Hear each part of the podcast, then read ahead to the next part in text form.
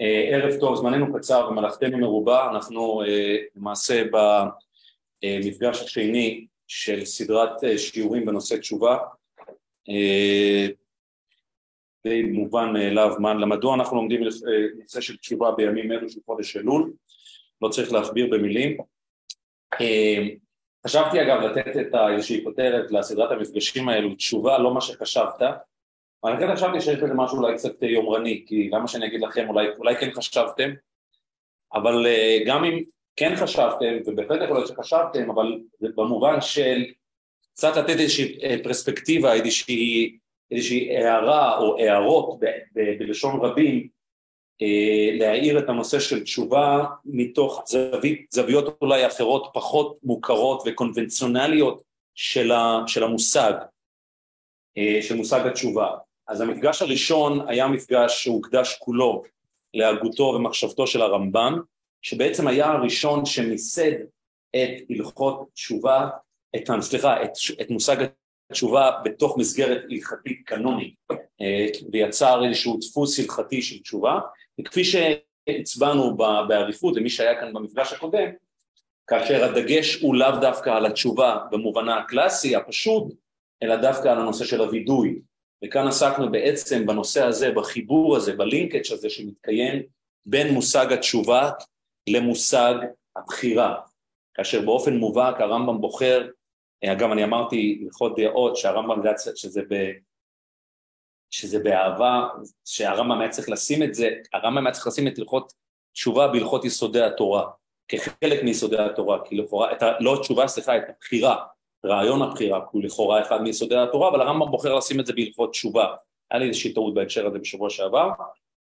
אה, בכל מקרה, כן, אבל חשוב לי לחדד, כאשר אנחנו בעצם מייצרים את הזיקה בין תשובה לבין בחירה, אנחנו בעצם בהכרח מדברים על תשובה במובנה המודע יותר, או לא, לא רק יותר, במובנה המודע ביותר, לא רק יותר, המובנה ביותר.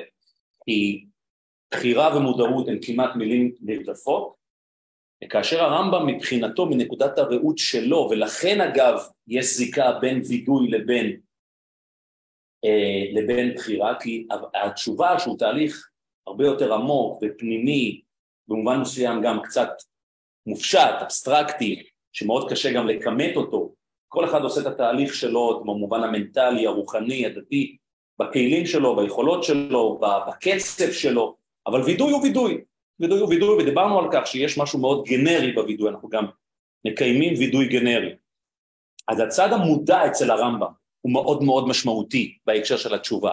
התשובה כמודעות נוכחת, ואין מודעות נוכחת יותר מאשר, ה, יותר מאשר ה, ה, אה, אה, הווידוי, כי אנחנו, אתה מאוד מאוד ברור, אנחנו אה, מתרגמים את המודעות למילים, המילים הן מאוד מאוד ברורות. וזה באמת תשובה שאני חושב שמאוד מאוד טיפוסי בראייתו של אדם כמו הרמב"ם, כמו רציונליסט, כמו הרמב"ם שמבחינתו המודעות, הצד המודע של האדם, תופס מקום מאוד מאוד מרכזי ודומיננטי, והוא מקדיש שני פרקים בהלכות תשובה לבחירה, אל המודעות. והיום אני רוצה לעשות טוויסט אה, משמעותי, אולי אפילו הייתי אומר דרמטי, מהראייה הזאת של התשובה כתשובה של מודעות, ודווקא, תודה יעקב, ודווקא להציג תשובה ממקום אחר לחלוטין. אז נכון שגולת הכותרת של היום, של המפגש היום, זה התשובה במשנת החסידות, אני לא בורח מזה, אבל כשהתחלתי יותר להיכנס פנימה ולחפור בנושא הזה, אמ, הבנתי כמה הנושא הזה הוא הרבה יותר קדמוני, הרבה יותר ראשוני, מאשר לבוא ולייחס את זה ל-300 או 200 השנים האחרונות של ההגות החסידית, או אפילו קצת יותר, כי אנחנו נראה, אם לא במפגש היום, במפגש הבא, זה גם הולך גם טיפה אחורנית למחשבה הקבלית, בעיקר מבית המדרש של הארי. התשובה מזווית אחרת לחלוטין, והאמת ש... אה, בפרסום שהתפרסם, אני לא, לא מצאתי לנכון לכתוב את זה, אבל בדפי המקורות לא התאפקתי, ומי שמחזיק את דפי המקורות יכול לראות שכאן נתתי איזשהו, עשיתי איזשהו ספוילר, איזשהו גילוי של, ערב טוב, של של התשובה ממקום אחר, ואני קרא, בוחר לקרוא לזה התשובה כנוכחות. זאת אומרת, לא תשובה שמתקיימת כתהליך מודע של האדם, של תיקון, של ריפוי, של חרטה, של וידוי, אלא תהליך אחר לחלוטין שהוא תהליך הרבה יותר עמוק, הרבה יותר פנימי, הרבה יותר רוחני. ולא בכדי, אני מייחס זאת כמובן למשנת החסידות, כי כל בר דעת מבין שיש משהו בחסידות שמביאה איזושהי זווית אחרת ליהדות. דוד אולי פחות מודעת. דוד, מה? אה, לא, אני ממש לא מנסה סתירה, לא, לא. לא, לא, אני ממש לא מנסה להצביע על סתירה, אני מציע להצביע על זוויות שונות. כל מה שאנחנו נלמד פה, אנחנו נלמד בהמשך גם את משנתו של הארי, גם משנתו של רבי נחמן מברסלב, אני ממש לא מציע, אף מפגש לא עומד בסתירה לאחר, זה פשוט באמת זוויות שונות של תשובה, וגם בוודאי התשובה כנוכחות, אף אחד, כל מה שאנחנו נלמד עכשיו, לא רק שזה לא סתירה, מי שלא אה, יקיים בפועל את התשובה במובנה כפי שהרמב"ם מוצא לנכון, שהוא ללא ספק איש ההלכה החשוב ביותר, בוודאי באלף השנים האחרונות, הוא, הוא גם לא יוצא ידי חובת תשובה, זאת אומרת, והחסידות לא באה להגיד שיוצאים ידי חובת תשובה בכלים אחרים. אני מדבר על חוויית התשובה, אני מדבר על רעיון התשובה, אני מדבר על המקום, על המיצוב הרוחני, התודעתי, הנפשי, המנטלי, שנקרא תשובה. ברוך אתה אדוני אלוהים, שהכל נהיה מזה. אז אני אגיד כך, היה אמור להיות לכם טקסטים חסידיים, יש אגב, בדף האחרון מי שיכול לראות, יש כבר טקסט חסידי, אבל כשמה שהתחלתי להגיד, כשהתחלתי לנבור ולחפור פנימה בסיפור הזה, פתאום גיליתי שהסיפור הזה הולך רחוק מאוד, הוא למעשה נעוץ, שורשיו נעוץ בסיפור אולי המשמעותי ביותר של חטא ותשובה. אם הייתי שואל פה בקהל מהו הסיפור הכי גדול של חטא ותשובה, מישהו רוצה, אני אתן פה שני... האדם הראשון, האדם הראשון, אבל האדם הראשון מופיע חטא, איפה מופיע תשובה? יפה מאוד, חטא העגל, נכון. אצל האדם הראשון, המקובל להגיד האדם הראשון, אבל האדם הראשון לא כתוב תשובה. כתוב בחז"ל, כתוב בחז"ל, כתוב בחז"ל, זה נכון. בדברי חכמים זה כתוב, אבל בתורה לא כתוב. גם לא כתוב אפילו תיקון, להבדיל מחטאו של בנו, של קין, ששם יש, לא יודע אם תיקון, אבל יש עונש, יש סוג של תיקון, כן, הגלות, אפילו לא כתוב תיקון, יש גירוש. האם הגירוש שהאדם מגורש זה מתקן את החטא, או שזה עונש או תוצאה פועל יוצא אבל לא כתוב, ב, ב, ב, ב, בתורה עצמה לא כתוב אה, תשובה. אה, מי אמרה חטא העגל? אה, מה שמך?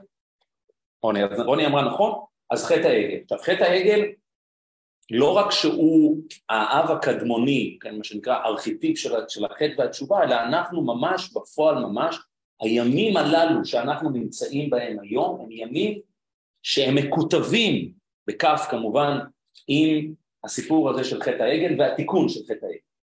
אנחנו נראה את זה לאדי, הדברים האלה הם מפורשים. מה זה? זו שאלה מצוינת, האם העונש הוא חלק מהתיקון? כנראה שכן, אבל העונש, התיקון במובן של תשובה, דהיינו במובן הוולנטרי שהאדם עושה מצידו תשובה, שם לא כתוב שהאדם עושה מטובות, האם, האם גירוש האדם מגן העדן אכן מתקן את חטאו? יכול להיות שכן, יכול להיות שלא, אבל לא כתוב שהאדם באופן, לא כתוב שהאדם עושה תשובה, בדברי חכמים כתוב, בדברי, במדרש כתוב יותר מפעם אחת, בתורה זה לא כתוב, בתורה זה לא כתוב, בתורה זה כתוב שהאדם מגורש ו, ונגמר הסיפור, אבל הסיפור של חטא העגל הוא לא ספק ממש באופן מובהק וגם החטא אולי הקשה, החמור, הבלתי נתפס ביותר, כן, האופן שבו חכמים מתארים את אה, חטא העגל זה עלובה כלה שזינתה בליל חופתה. זאת אומרת, זה מין ציור קשה, חריף מאוד, של, זאת אומרת, מילא, מילא, מילא אישה מזנה, אבל בליל חופתה זה, זה מין, מין מצב בלתי נתפס של חטא, עלובה קלה, עלובה קלה. אז אנחנו צריכים ללמוד את הסיפור של חטא העגל, ואני רוצה אולי להפתיע כמה מהמיתוסים המקובלים ביחס לחטא העגל, אבל בעיקר ביחס אל התשובה והתיקון. כל הסיפור של התיקון של חטא העגל לא מתקיים על ידי החוטאים בעצמם, לא מופיע, אלא על ידי מי? משה רבנו, שהוא אגב היחיד שגם לא היה שם פיזית. זאת אומרת, בני לוי גם היו ולא חטאו, אבל הם היו פיזית. משה רבנו פיזית לא היה, כל הסיפור של התיקון, כולו מאלף ועד תו, מיוחס למשה רבינו. אני מניח שפה אני לא מגלה איזשהו משהו חדש. אני, אני ברשותכם, ערב טוב, ברשותכם אני אקרא מהפסוקים, יש לנו הרבה מאוד פסוקים, אני כמובן לא אקרא את כולם, אני אקרא את פסוקים נבחרים, על מנת לתת לנו איזושהי פרספקטיבה, ואני אומר, תפתחו את הראש, תפתחו את הנשמה לאיזושהי קריאה אחרת, זה לא פרשנות אחרת, אני פשוט אתם, לדעתי, אחרי שאתם נקרא את זה ביחד, הדברים כתובים ממש שחור על גבי לבן, זה לא איזושהי אינטרפטציה חדשה שאני מנסה לבוא איתה. אז אני אקרא מהר את הסיפור של החטא, וירא העם כי בושש משה לרדת מן ההר, ויקהל העם על הארון, ויאמר אליו קום עשה לנו אלוהים אשר ילכו לפנינו, כי זה משה האיש אשר אלינו מארץ מצרים לא ידענו מה היה. אז פה כבר אני רוצה להגיד, הקדימון הזה, הפרולוג הזה, שהתורה נותנת לנו, היא לא סתם אה, שהעם מבוהל, הוא לא יודע מה קרה למשה, בעצם מעמד הר סיני הוא מעמד שהחד פעמיות של המעמד הזה הוא בכך שהמעמד הזה מייצר בפעם הראשונה סוג של מגע בין האנושי לבין האלוהי שלא היה קודם. מגע בלתי אמצעי בין האנושי, זה לאו דווקא העם היהודי, בין המין האנושי, כך במסורת, כך באמונה היהודית. אתה הורית לדעת כי אדוני אלוהים אין עוד מלבדו. כן?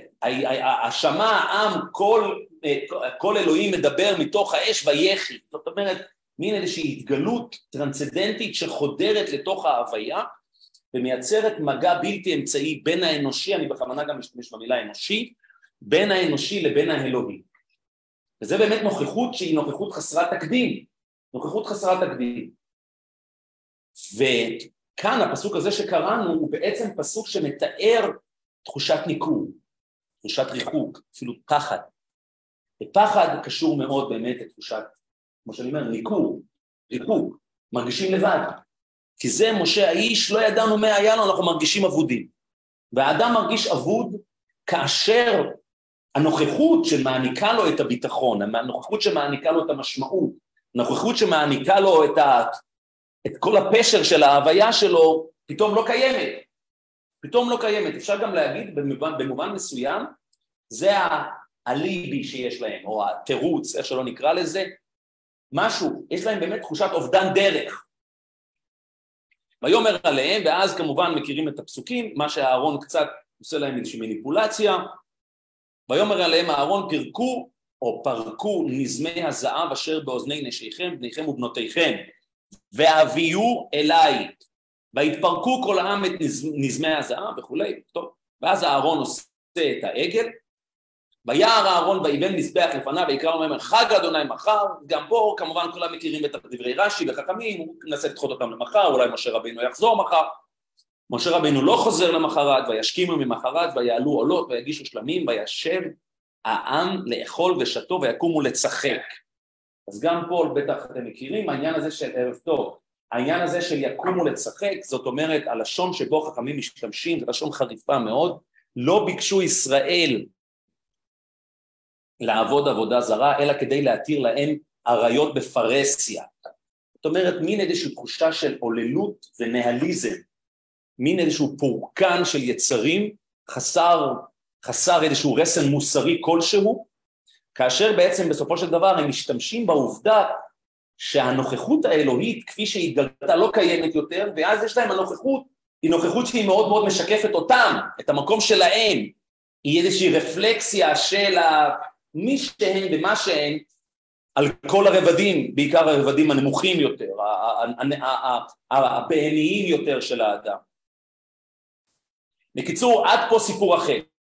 אני חייב להגיד שסיפור החטא כולו תופס, לא בדיוק ספרתי את הפסוקים, אבל אל תתפסו אותי, לדעתי סביב 15 אחוז, 15 אחוז, מקסימום אולי 20 אחוז מהסיפור. מפה מתחיל עכשיו הסיפור של התגובה, הריאקציה, ובהמשך, שהוא החלק הארי, יגיע החלק של התיקון. כרגע זה הריאקציה. בזמן, כאילו מי שפעם ראה סרט, אז המצלמה עוברת בנקודת הזמן הזאת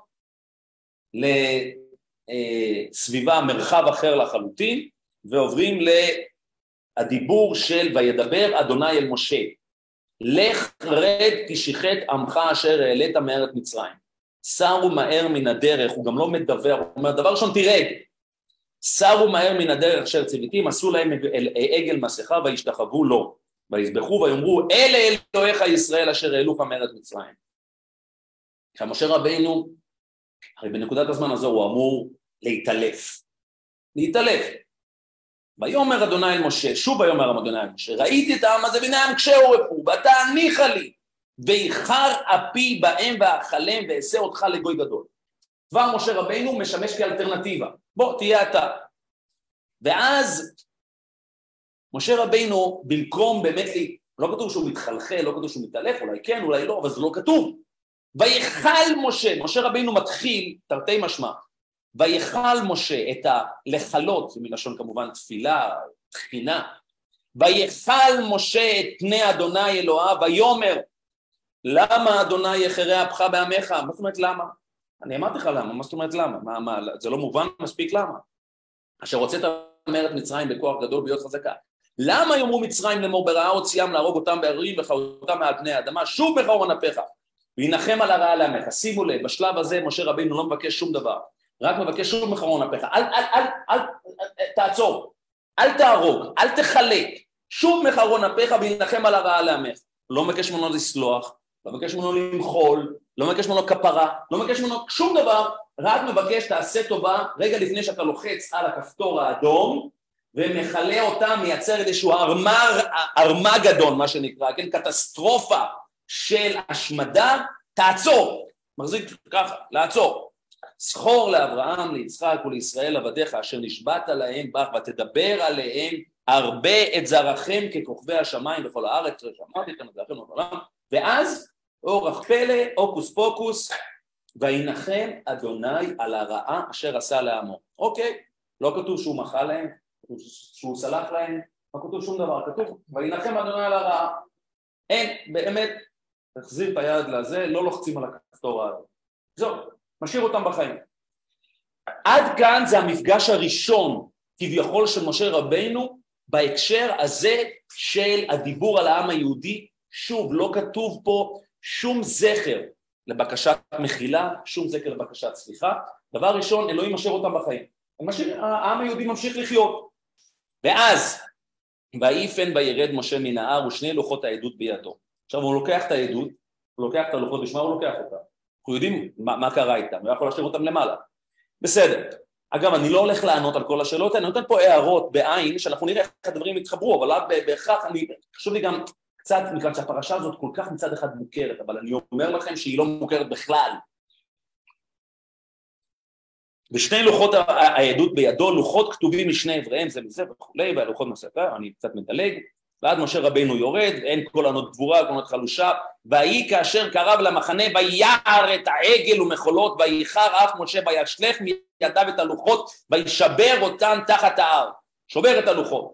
על זה אגב נאמר, ולכל היד החזקה אשר עשה משה לעיני כל ישראל. אומרים חכמים, זה מה שככה התורה בוחרת לסיים. מה השבח הגדול שהתורה מוצאת לנכון לסיים כאשר משה רבינו נפטר, קוראים את זה בפרשת, וזאת הברכה, בשמחת תורה, מה השבח הגדול? היד החזקה, שהיה לו את האומץ, ידיים חזקות לקחת ולשבור לעיני כל ישראל, הכוונה לשבור אותם לעיניהם.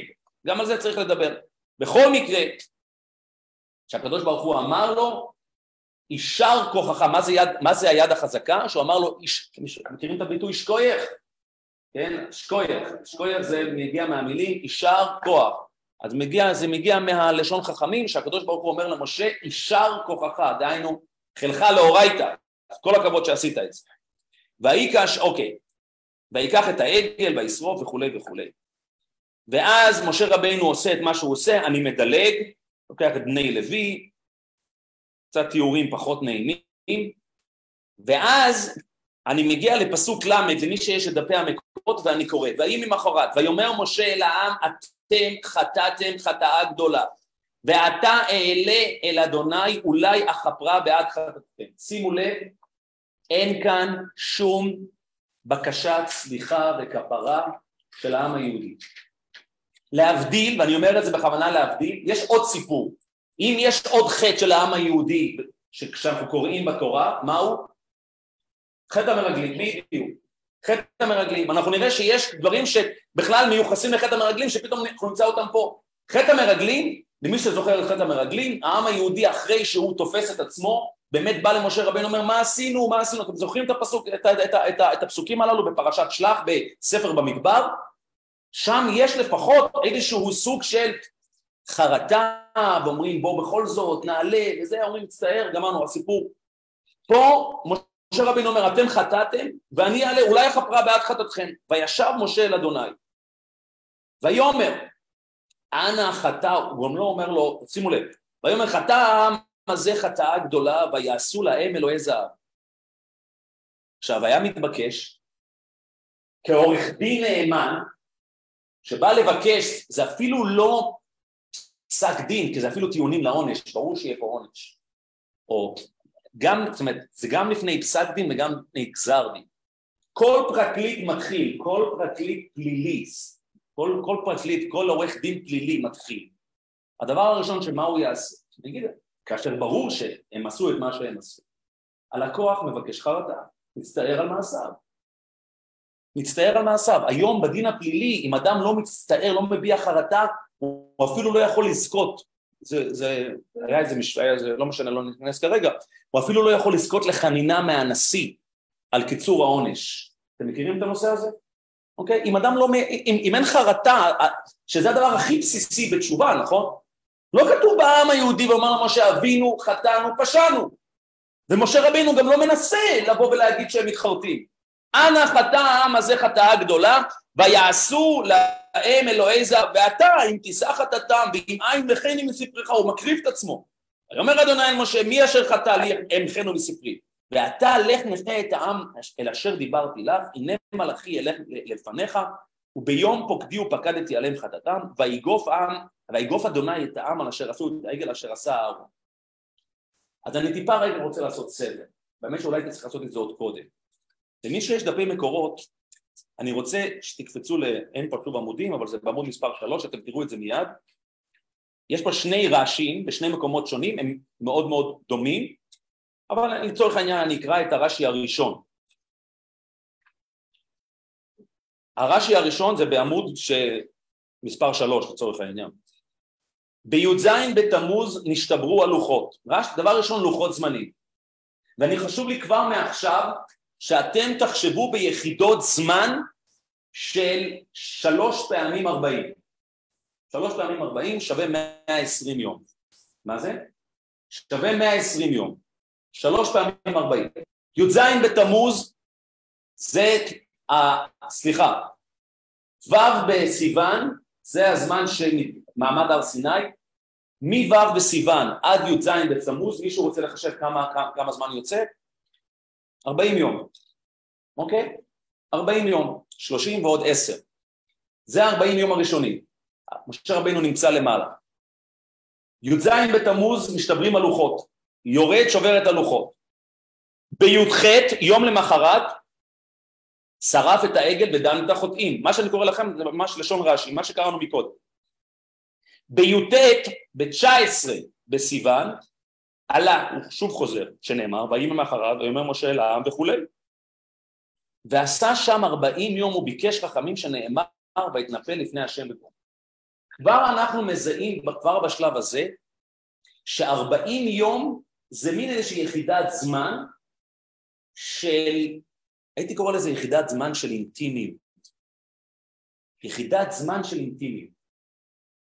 כי אנחנו רואים את זה עוד לפני שמשה רבינו יורד, זאת אומרת, הוא היה אמור לרדת, הם היו אמורים, הם היו אמורים באמת לקבל את פני משה, לכן, לכן היה להם טעות בחישוב של כמה שעות, כפי שכבר מופיע ברש"י.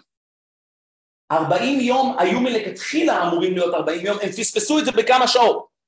הם היו מחכים עוד כמה שעות, מתאפקים, משה רבינו היה יורד עם הלוחות, נותן להם את הלוחות, והיינו נשארים במצב של מה שנקרא לוחות ראשונות, שזה מצב אחר לגמרי ולא כאן המקום להיכנס לזה. אבל אנחנו מזהים באופן מובהק את, המוס, את יחידת הזמן הזאת.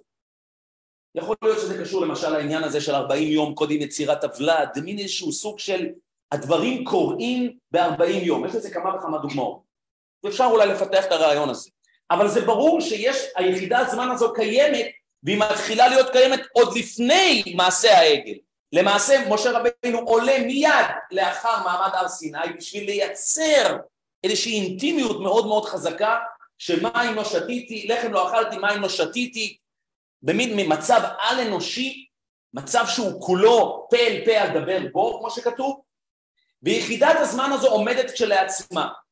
היא מתרסקת, היא נעצרת, היא פוסקת, לך רד כי שכרת המחר, ובעצם בסופו של דבר 40 יום הראשונים מתמוגגים, מתפוגגים, סליחה, הם לא קיימים יותר, מכיוון שכל מה שרצו להשיג ב-40 יום הראשונים מתרסק למעשה עם שבירת הלוחות. ואז כביכול הכל מתחיל מחדש. ואז בי"ט, ב-19 בסיבה, בתמוז, הוא עולה שוב, שנאמר, ויהי ממחרת, ויאמר משה אל העם, ועשה שוהם שוב ארבעים יום, הוא ביקש רחמים שנאמר, ויתנפל, ויתנפל לפני השם. ארבעים יום, כזה כתוב גם מפורש בפרשת עקב, קראנו את זה לא מזמן, בחומש דברים. עכשיו, אני פה לרגע עוצר ברש"י ואני אחזור, כי חשוב לי שאתם תבינו את התהליך. התהליך הזה הוא מדויק, הוא מתמטי. יש פה תהליך רוחני של, סליחה, שלמעשה פועל בתוך יחידות זמן מתמטיות. הארבעים יום הללו שמתחילים בי"ט, אם יש פה מישהו בקהל שיכול לספור מהר מי"ט בסיוון, סליחה, בתמוז, כמה זה ארבעים יום קדימה? כ"ט באב או א' באלול, נכון? אם חודש הוא שלושים יום, תמיד שלושים ועוד, ועוד עשר זה ארבעים, אנחנו מגיעים למעשה לראש חודש אלול. שימו לב, וזה לא מקרי. אני עובר לעמוד מספר 2, זה כבר הפרק הבא, פרק ל"ג. וידבר אדוני אל משה לאמור, לך עלה מזה אתה והעם, אשר העלית ממצרים אל הארץ אשר נשבעתי לאברהם, ליצחק וליעקב, לרדר לאמנה, ושלחתי לפניך. עכשיו שימו לב, פה קצת לא ברור מתי, מתי בדיוק זה נאמר. מתי בדיוק זה נאמר. אבל רש"י פה, עוד רגע נראה את רש"י, הסיפור הזה לכאורה, כל ה... מפסוק אה, א' עד פסוק י"א, זו פרשה שלכאורה לא קשורה בכלל אל הנושא המדובר.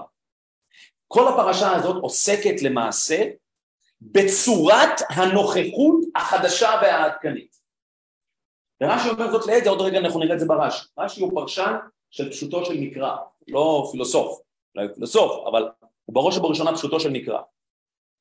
כל הפרשה הזאת, וחשוב לי שאתם תקראו את זה ככה, למעשה נוצרת מציאות חדשה, שהסיפור הזה, שכותרתו הנוכחות האלוהית בקרב העם היהודי עובר איזשהו סוג של עדכון, לא שדרוג, כי זה שימנוך, כן? זה במובן מסוים זה שימנוך, לא במובן זה ללכת אחורנית, אבל יש צורה חדשה, מתכונת חדשה, דפוס חדש של נוכחות שהיא נגזרת הלוואי של מעשה העגל.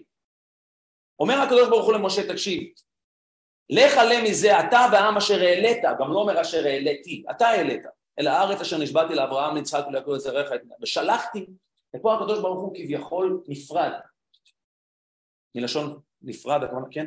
נפרד, נפרד לשלום.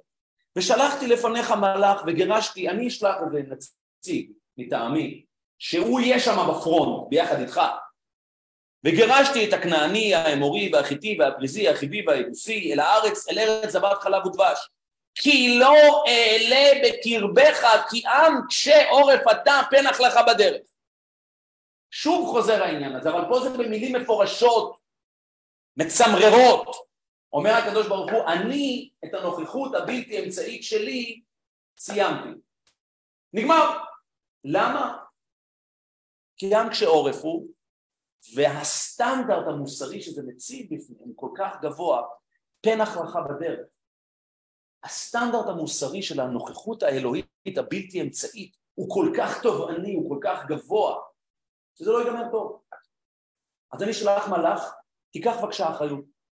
חס וחלילה, הקדוש ברוך הוא לא הולך לכלות אותה, להפך, הוא מעניק להם איזשהו קיום אפילו הייתי אומר עצמאי יותר. וישמע העם את הדבר הזה, מתי, מתי משה רבינו הספיק לעדכן? אז רש"י, אני, אני מדלג כי אני כבר נותן לכם את השורה התחתונה, רש"י אומר שבעצם עשינו פה מין איזשהו זום אאוט, יצאנו מהרצף וכבר תיארנו, זה כבר תיאור עתידי של המצב, איך הוא, איך הוא אמור להיראות, הולך להיראות, ואיך הוא נראה למעשה אחרי כל, כל הסבבים של הארבעים, שעוד רגע אנחנו נחזור אליהם ונראה מה היה שם. רמז קטן, הסבבים הללו מסתיימים ביום הכיפורים. כי אם מי"ט אה, בתמוז עד ראש חודש אלול זה עוד 40 יום, ואז נשארנו עם 40 יום נוספים, מתחילים בראש חודש אלול ומסתיימים מתי? בי' באלול, בי' בתשרי, שבפעם האחרונה שבדקתי זה יום הכיפורים. אז יש פה כאמור מו' בסיוון עד 17 בתמוז, מי"ט בסיוון, יומיים של בלגן, מי"ט בסיוון עד א' באלול, ומא' באלול עד יום הכיפורים, כאמור שלושה סבבים, 40 כפול שלוש. הפסוקים הללו באופן יוצא דופן מתייחסים כבר אחרי זה. ויתנצלו, והעם שומע את זה ולא מוכן לקבל את זה. ואז הם מחזירים את עד סיפור שלם מה זה עד. עכשיו שימו לב לתיאור, שהוא באמת תיאור טרגי. ומשה ייקח את האוהל ונטע לו מחוץ למחנה, הרחק מן המחנה, וקרא לו אוהל מועד. והיה כל מבקש אדוני ילך, יצא אל אוהל מועד אשר מחוץ למחנה. הווה אומר, האלוהות נמצאת איפה?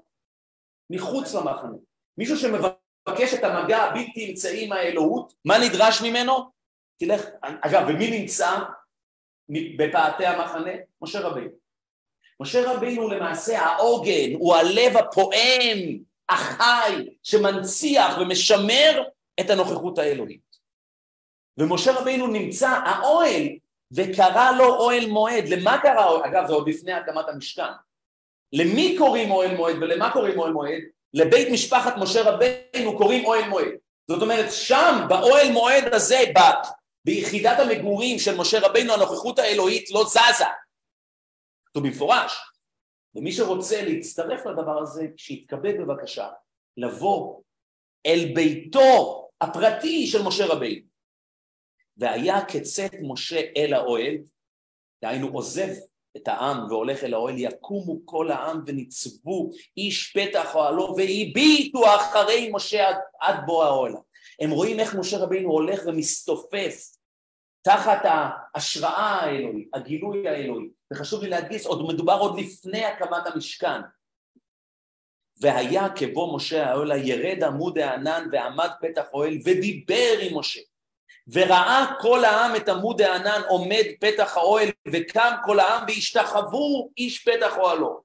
ודיבר אדוני אל משה פנים אל פנים כאשר ידבר איש אל רעהו. ושב אל המחנה. מי שב? משה רבינו אז חוזר למחנה ומשרתו יהושע בן נון לא ימיש מתוך האוהל. בשורה תחתונה כתוב פה תיאור שבלכתחילה היה אמור להיות כביכול כל אחד מאיתנו. משה רבינו הופך להיות למעשה האקס טריטוריה קוראים לזה, טריטוריה סגורה של התגלות. אז מה, למה העם מביטים אחריו, זאת אומרת הוא כביכול נושא בנוכחות שלו את האפשרות לנוכחות האלוהית. עד כמה שיש הצטרפות אל משה רבינו, יש הצטרפות על הנוכחות האלוהית. לכן כל העם מביט אחריו. כביכול הוא מצטרף אליו, מסתנף אל ההתגלות שנמצאת שם, שמשה רבינו, ולכן אגב בסוף, זה פשוט, פשוט שלא הבאתי פה, כשמשה רבינו יורד בסוף, יש פה גם את העניין הזה של קרן אור פניו, אתם זוכרים את העניין הזה? שהיו הרבה מאוד מדפיסים בימי הביניים שהם חשבו שקרן אור פניו שצמחו לו קרניים, אז אפשר לראות הרבה ציורים של משה רבינו עם קרניים. אז קרניים אור פניו, אנחנו, כשאנחנו קצת כן מבינים עברית, יודעים שקרן אור פניו זה לא שצמחו לו קרניים, אלא מלשון קרן אור, כן? קרן אור פניו שהם לא יכלו לעמוד. באמת כי זה, כי הוא ייצג באישיות שלו, בהוויה שלו, את הנוכחות האלוהית. וההצטרפות הייתה אל משה. ולכן הקדוש ברוך הוא אומר למשה, לך עלה מזה אתה והעם, אתה, אתה, מעכשיו אתה, אתה לוקח את ה... מעכשיו זה על הכתפיים שלך. אבל כאמור, אנחנו מדברים פה כבר על המצב העדכני. זה מדהים שהתורה מוצאת לנכון כבר עכשיו לתת לנו, כאילו לקצר לנו את הסיפור, ולתת לנו מין איזושהי תמונה, ושם זה הולך. שם זה הולך. עכשיו שימו לב, עד עכשיו לא דיברנו מילה וחצי מילה על סליחה ומחילה. ואני הולך אולי להפתיע אתכם. אנחנו גם לא הולכים לדבר על סליחה ומחילה. ועדיין תזכרו היטב, כששאלתי פה בתחילת השיעור, מהו הדוגמה המופתית של חטא ותיקון, עדיין התשובה הייתה חטא האלה. ובצדק. אז פה אני חוזר ל... התורה חוזרת אל הסיפור עצמו, אל רצף הסיפור, שכאמור, בתוך אותם ארבעים כפול שלוש, ויאמר משה אל אדוני, ראה, אתה אומר אליי, תעל את העם הזה, ואתה לא הודתני את אשר, את, את אשר תשלח עמי. ואתה אמרת ידעתיך בשם וגם מצאתי חן בעיניי. עכשיו פה אני רוצה רגע לעשות פאוס. פה אנחנו למעשה מקובל לחשוב, מי שמכיר את הסיפור של חטא העגל, שבחטא העגל ישנם שני סיפורים שכביכול כרוכים, נקרחו זה בזה. הסיפור האחד זה חטא העגל והבקשה של רחמים של משה רבינו, והסיפור הנוסף הוא הסיפור לגמרי האישי של משה רבינו, שמשה רבינו, מה שנקרא, ואתה, אם נצאתי חן בעיניך, הסיפור שמשה רבינו בעצם מבקש על עצמו בשביל עצמו. הודיעני נא את דרכיך, משה רבינו אומר, אוקיי, פה אגב, אנחנו, זה ממש, זה הולך ונעשה מובהק וחריף. בהתחלה משה רבינו אומר, אין בעיה, אתה רוצה שאני אקח את עצמי את, ה, את האחריות? אין בעיה, אבל הודיעני נא את דרכיך, איך, איך, איך אני עושה את העבודה? אתה אמרת שאתה, אתה אמרת, אמרת, ואתה לא הודתני את אשר תשלח, מה, מה אני אמור לעשות? ואתה אם נא מצאתי חן בעיניך, הודיעני נא את דרכיך ואדעך למען אמצא חן בעיניך, וראה כי עמך הגוי הזה. ואז מה שהקדוש ברוך הוא אומר לו, ויאמר פניי ילכו והניחותי לך. הווי אומר, אתה תצטרף אל הפנים שלי ערב טוב. ויאמר אליו, אם אין פניך הולכים, אל תעלינו מזה. אם אין את המושג של הארת פנים, אני ממש מקצר פה, כי אפשר להעריך על כל דבר. ואז הוא פתאום אומר, משה רבינו, במה יוודע איפה כי מצאתי, פה הוא כבר עובר לדבר על עצמו. כי מצאתי חן בעיניך, אני ועמך, לא בלכתך מעמנו ונפלינו אני ועמך מכל העם אשר על פני אדמה. אני רוצה לדעת שזה יהיה, שזה דבר שהוא הולך להיות איתנו. כי אם אתה אומר שאתה לא הולך להיות איתנו, אני חייב לדעת שזה הולך להיות מעוגן, מעוגן איפשהו. כן.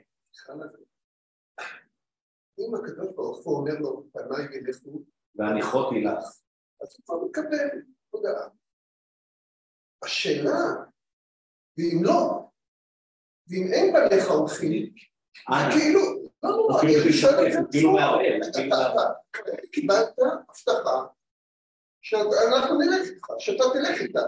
אז מה אתה עוד פעם שואל אתה לא מאמין למה שהוא אמר? אין פניך הולכים? אני אקח בפשוטו, אני לא יודע, אני אקח חושב, מי שאומר לך, יהיה בסדר.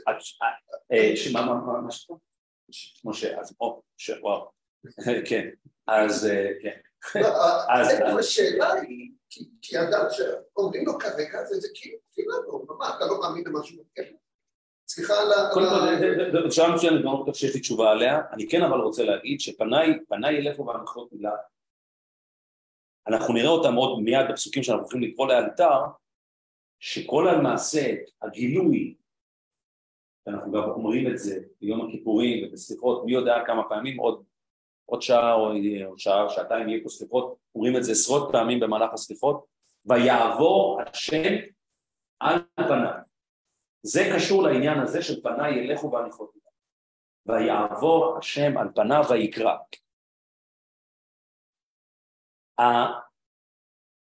אני, אני עוד רגע אקרא, אתה, אתה תראה, זאת אומרת, בסופו של דבר יש כאן, חשוב, חשוב להבין, מי שכל מי שיקרא את הפסוקים רואה באופן מאוד מאוד ברור ומובהק איך שהפרטי והלאומי של משה רבינו הולכים ולמעשה נקרחים לחלוטין זה בזה.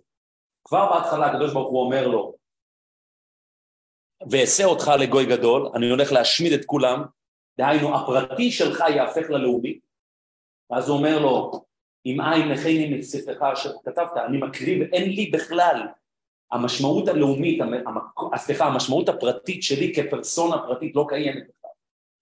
ומשה רבינו למעשה עוקד, אם אפשר להשתמש במילה הזו, את הפרטי שלו על הסיפור הלאומי.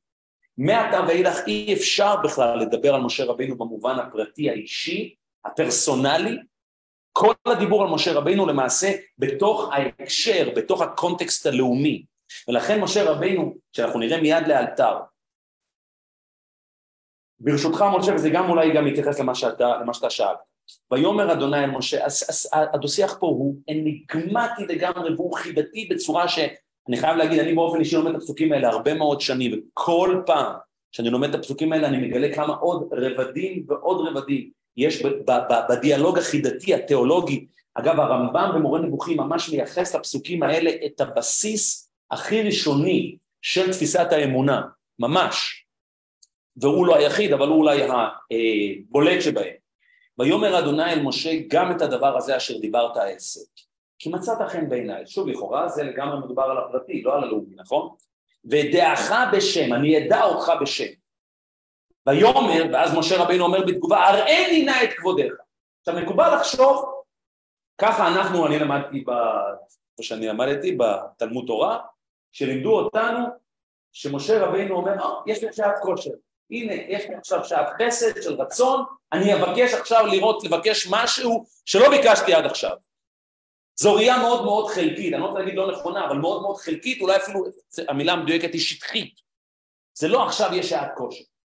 הסיפור של המגע הבלתי אמצעי של משה רבינו עם האלוהות הופך להיות התמצית של המגע של העם היהודי עם האלוהות. ופה אני רק רוצה להזכיר לכם שאנחנו לכאורה עדיין עוסקים, המשימה העיקרית שמשה רבינו רגע לפני שהוא מנפנף לשלום לעם היהודי והוא עולה להר סיני, מה הוא אומר להם? אתם חטאתם חטאה גדולה, אולי הכפרה, אולי הכפרה. יש פסוק, יש פסוק שאנחנו אומרים אותו בפתיחה של ליל יום הכיפורים. הוא פסוק של בקשת סליחה מובהקת, שגם גם, גם, גם, גם הפסוק הזה נאמר על ידי משה רבינו. והפסוק הזה אומר ככה, סלח נא לעוון העם הזה כגודל חסדיך, וכאשר נסעת לעם הזה ממצרים ועד הנה. זה פסוק שמי אמר אותו? משה רבינו. חברות וחברים, כך נראית בקשת סליחה, כשמישהו בא לבקש סליחה, לא בעבורו, אלא בעבור מישהו אחר. מילים ברורות, סלח נא לעוון העם הזה כגודל חסדיך. עכשיו למישהו יש ניחוש מתי נאמר הפסוק הזה?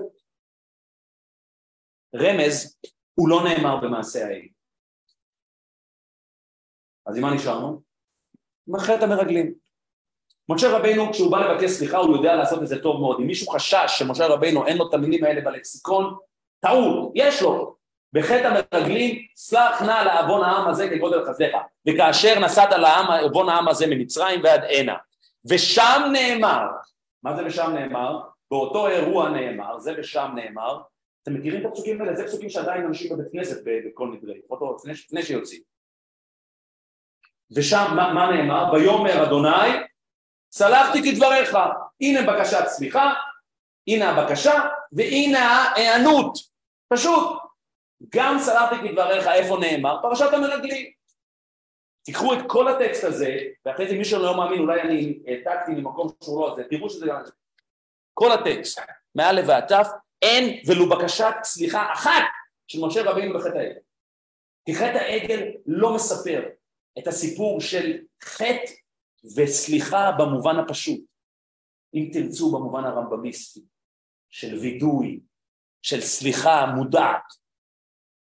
חטא העגל, ומכיוון שבאמת זמננו קצר ואפשר לדבר על זה סדרה של לא ארבע שיעורים אלא ארבעים שיעורים, אני רק אגיד את זה בקצרה, חטא העגל הוא, הסיפור של חטא העגל, או החטא והתיקון, זה הסיפור של התשובה במובנה החסידי, לא במובנה הרמב"מיסטי. הסיפור בכלל לא סיפור של החטא במובנו של החטא, ועכשיו מביאים אינסטלטור שיתקן את החטא, במקרה הזה לאינסטלטור קוראים משה רבינו, הוא יודע, הוא הטכנאי של החטאים שמתקן את החטאים. הנה, תיקן לנו את החטאים, סלח נא לעוון העומה הזה כגודל חסדיך, ויאמר השם סלחתי כדבריך, נגמר, אוקיי, נהדר. הסיפור של חטא העגל, הסיפור של החטא קשור בטבורו לעניין של הנוכחות, של חוסר היכולת להכיל את הנוכחות, והסיפור של התשובה והתיקון, כולו מריש ועד גמירה קשור למה? להנכחה מחודשת של הנוכחות הזאת, ליצירת נוכחות אפשרית. וכאן במובן הזה, זה הבשורה, זאת הבשורה הגדולה של התשובה. וזה אנחנו עוד נראה. את ה... זה, רגע, נכון, נכון, נכון, נכון, אבל כפי שעוד מעט נראית, גם בפסוקים ולעדיה בדברי רש"י, כפי שאני מזכיר לכם, אנחנו מדברים על שלוש יחידות של ארבעים. יחידה ראשונה שהיא קדם החטא, שמתחילה בז' בסיוון ונגמרת בי"ז בתמוז, להלן כמה ימים, ארבעים יום, בארבעים יום הללו הנוכחות היא נוכחות שלמה. לאדיה בדברי רש"י, אנחנו נראה את זה פעמיים, גם מופיע בתורה, אבל רש"י אומר את זה במילים באמת שחור על גבי לבן, שכל הסיפור של הארבעים יום האחרונים זה לשחזר את הארבעים יום הראשונים. הווה אומר משה רבינו מה שיושב אצלו פה בראש, בראש ובראשונה, מה שבראש מעייניו, מה שבראש דאגתו, זה הסיפור של הנוכחות הזו שהתרסקה אל הסלע. שאותו, אותה הריסוק של הלוחות יצר פה עכשיו מין איזשהו ואקום, מין איזשהו היעדר, חלל של נוכחות. שעכשיו צריך לראות אם ואיך, אין לו ודאות, אין לו ודאות, יש לו הרבה מאוד ניסוי וטעייה, אבל בניסוי וטעייה זה משהו אמור לקרות. וכאן משה רבינו, ומשה רבינו אבל מבין שהוא כפרסונה אמור בעצם לשאת את, את, לשאת את, את הנוכחות המחודשת הזאת. ולכן עכשיו בא והוא אומר לו, הראיני נא את כבודיך. ואז שימו לב, ויאמר אני אעביר כל טובי על פניך, וקראתי בשם אדוני לפניך. וחנותי את אשר אחון וריחמתי את אשר ארחם. אלו הם המילים אולי המפורשות ביותר בכל הפרשה כולה, שקרובים, אני בכוונה משתמש במילה קרובים, כי זו לא מילה נרדפת, לסליחה. וחנותי את אשר אחון, לא כתוב וסלחתי את אשר סלחתי, לא כתוב ומחלתי את אשר מחלתי, לא כתוב וכיפרתי את אשר כיפרתי, וחנותי את אשר אחון וריחמתי את אשר ארחם. אלו הם מילים כל כך עדינות, כל כך שבריריות, כל כך מין הכלה, מין, אני, אני אחון, אני, אני, יש פה, יש פה, יש פה, יש פה, יש פה, יש פה מידה של, של חנינה, כמו שאנחנו מבקשים, כן, חלינה בחנינה, מידת הרחמים, עלינו, חנינה בחנינה, ובחנוני, כן, הבית חנן, וחנותי את אשר אחרון וריחמתי את אשר ארחם. זה יותר מצליחה. זה... לא שאני סולח, אני גם מבין אותך ואני מכיל אותך. זה לא שזה יותר, זה לא יותר, בלשון הגמרא קוראים לזה בכלל 200 מנה. זאת אומרת, יש כאן הכלה עמוקה. אני, אני חן אותך, אני מכיל אותך. אני, הרחמים בהקשר הזה, ואנחנו נראה, כי כל הסיפור הוא רחמים, או נראה את י"ג המידות של רחמים. רחמים הם רחמים במובן הקיומי הראשון. ראה שאין העולם מתקיים, עמד ושיתף מידת הרחמים. אז אני ממשיך לקרוא, ויאמר לא תוכל לראות את פניי, מצטער, בוא בוא בוא תעצור, כי לא יראני אדם וחי. ויאמר הנה מקום איתי וניצבת על הצור, והיה בעבור כבודי ושמתיך בנקרת הצור. הרמב"ם יש פרקים שלמים במורה נבוכים שמסבירים את ה, על, על המושג הניצב, המושג צור. ממש בהתחלה, הרמב"ם יש לו, בחלק הראשון של מורה נבוכים, הרמב"ם מקדיש לפירוש המילות, ממש, פירוש המילות. הרמב"ם פה ממש כי יש פה הרבה מונחים שהם מונחים אה, אנושיים, יש האנשה באלף של האלוהות. והרמב"ם טורח פה להסביר שבעצם מושג הגילוי, כן, איך שזה בא כמטאפורה במילים הללו. והיה בעבור כבודי ושמתיך ונקרא, וסדקותי כפי עליך עד עוברי. כמה, כמה אהבה יש פה, כמה אהבה יש פה, וסקותי כפי עליך. קצת מזכיר את, ה, את האבא שמברך את הבנים, את, ה, את ההכלה הזאת, ההכלה האהבאית, האימהית הזאת, אפילו הייתי ונקרעת הצור, זה ממש מין מצב עוברי כזה. אתה תהיה שמה ואתה, מין תחושה של אינטימיות אינסופית. וסקותי כפי עליך עד עוברי, ואסירותי את כפי, ולרגע אני אסיר את ככה, אני, יהיה לך את האפשרות להציץ. וראית, קצת מזכיר לי את אבא שלי שהיה עוטף אותי בברכת אה, כהנים, אז תמיד הייתי מציץ כזה, לראות מה, מה שם, כאילו, מאחורי, מאחורי הפרגוד, מהטלית. וראית את אחוריי ופניי לא יראו. על הפסוקים האלו, על המילים האלו, זה אחד ה, אולי המשפטים התיאולוגיים הכי חשובים שהיהדות הביאה לעולם. וראית את אחוריי ופניי לא יראו. היה פילוסוף, קראו לו עמנואל לוינס, כתב ספר שלם, נקרא עין והישע, הנושא הזה שראית את אחוריי ופניי לא יראו.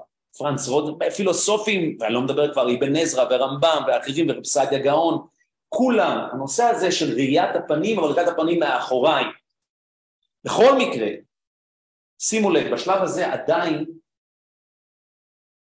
יש פה אירוע שהוא כביכול, אני מדגיש את המילה כביכול, מתחולל לחלוטין בזירה הבין אישית כביכול, בין הקדוש ברוך הוא לבין משה רבינו. וחנותי את אשר אחון וריחמתי את אשר ערכם, גם לא אומר וחנותי את העם היהודי, וריחמתי את העם היהודי. את מי שאני אחון הוא כבר ידע שאני אחון. איך הוא ידע? הוא ידע. הוא ידע. וחנותי את אשר אחון. הרי משפט, את מי, את מי, מי זה אשר אחון? את מי שאני יכול. כי תחושת החנינה היא לא דבר שאתה מקבל אותו בדואר, או ב-SMS, או בוואטסאפ, או במייל. כשאתה ניחן, אז אתה ניחן. כשאתה לא ניחן, אתה לא ניחן. אתה יודע את זה, אתה מרגיש את הריק בהוויה שלך. אתה מרגיש את, החלל האינסופי הזה. עד כאן מתחולל האירוע, שימו לב, זה עדיין בארבעים יום האמצעיים שמתחילים מתי? י"ט בתמוז ומסתיימים בכ"ט באב. עוד רגע אנחנו גם נראה את זה לידיה בדברי רש"י. ואז הקדוש ברוך הוא אומר לו, הפרק הזה נגמר. ויאמר אדוני אל משה, אם אתם רוצים, אנחנו נקפוץ רגע לרש"י, אה, סליחה.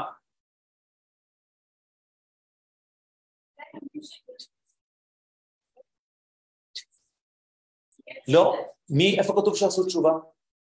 הימים האלה, אגב, האמצעים, הם הימים הכי קשים. את יודעת מה קורה בימים האלה? איזה חודש הוא החודש של הימים האלה? לא. אה, אה, השליש האחרון של תמוז ומאה אחוז מחודש אב.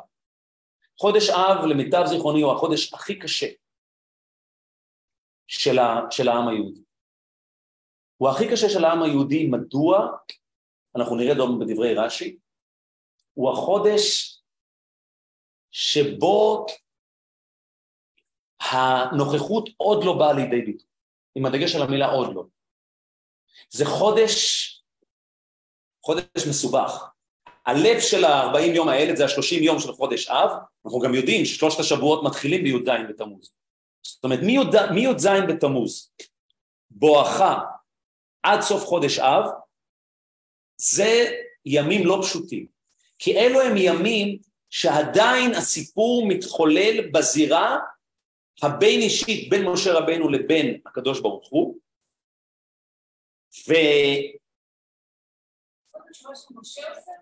כן, לא, לא, קודם כל, קודם כל משה רבינו לא עושה תשובה. קורה שם, קורה שם, קורה שם חידוש, חידוש המגע, אוקיי? אגב, המילה היותר נכונה, צריך גם להשתמש במילה הזאת, אנחנו נראה את זה, המילה היותר מדויקת היא חידוש הברית. אבל כאן אנחנו חייבים להבין באמת את מושג הברית. מושג הברית ביסודו, ואנחנו נראה את זה, אם לא היום, כנראה בוודאי שלא היום במקדש שבת, זה אחד היסודות המאוד מאוד ראשוניים בקבלה, אבל בדייקה במשנתו של בעל התניא, האדמו"ר הזקן. כל מושג הברית זה בעצם מושג של הארת פנים הדדית. הארת פנים. הברית שנחרטת בסיני, נחרטת, לשון כריתת ברית, במעמד הר סיני, מתנפצת.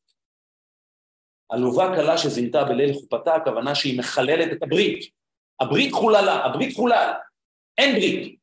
זהו, הברית התרסק, הברית התרסקה, סליחה, עם ריסוקם של, ה, של הלוחות ארצה, אין ברית. שיקום הברית זה בעצם שיקום הנוכחות. ברית עניינה, של. עניינה נוכחות.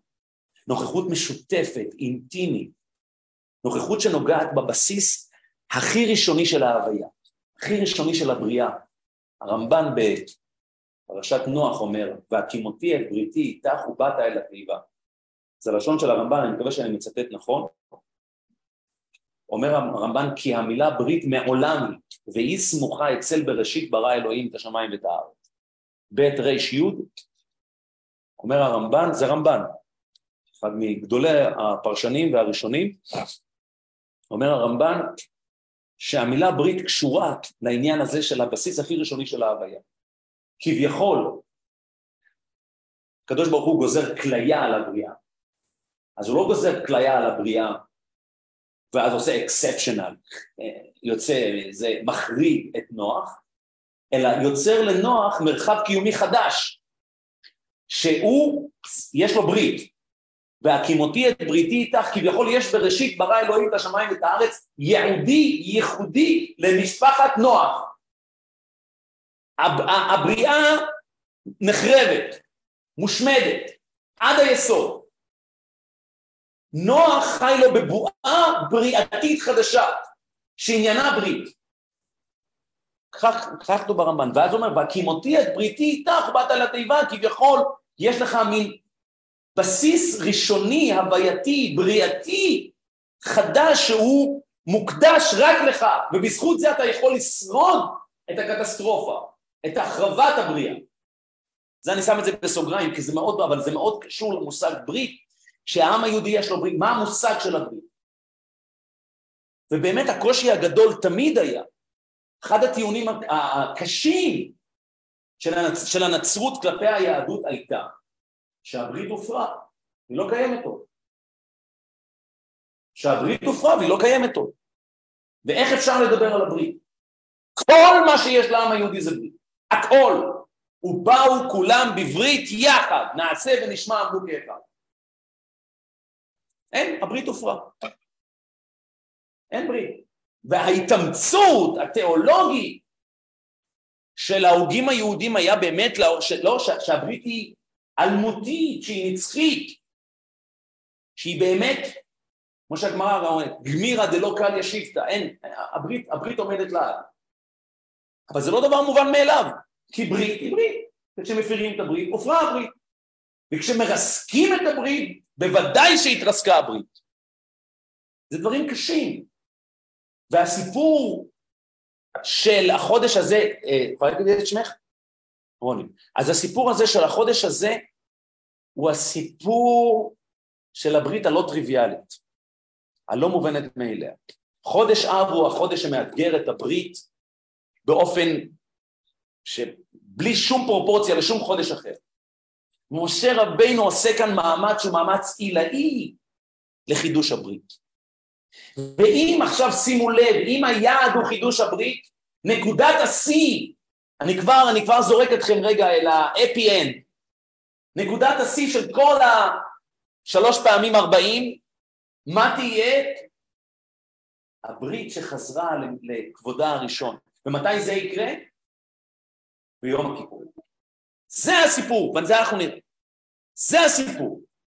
זאת אומרת, היעד צריך להגיע, ומשה רבינו, למין הרגע הראשון, כמו שכבר אנחנו כבר הספקנו, כבר הספקנו לראות וללמוד, למין הרגע הראשון שהוא מבין את גודל הזוועה, הוא מבין את הקטסטרופה, הוא מבין כמה זה מחריד מה שקורה פה, הוא מבין שהתפקיד שלו והאחריות שלו לא לכפר ולא לתקן ולא לסלוח במובן הפשוט, הוא היה יכול להגיד סלח נא על העוון העם הזה כגודל חסדיך, וכאשר נסעת לעם הזה ממצרים ועד הנה, אז אני אומר לו, או שכן, או שלא, אנחנו לא יודעים, זכותו כן, זכותו שלא, אולי, היה אומר לו סלחתי כדבריך, או חס וחלילה אומר לו לא סלחתי כדבריך. ככה נראית בקשת סליחה וככה נראית היענות לסליחה.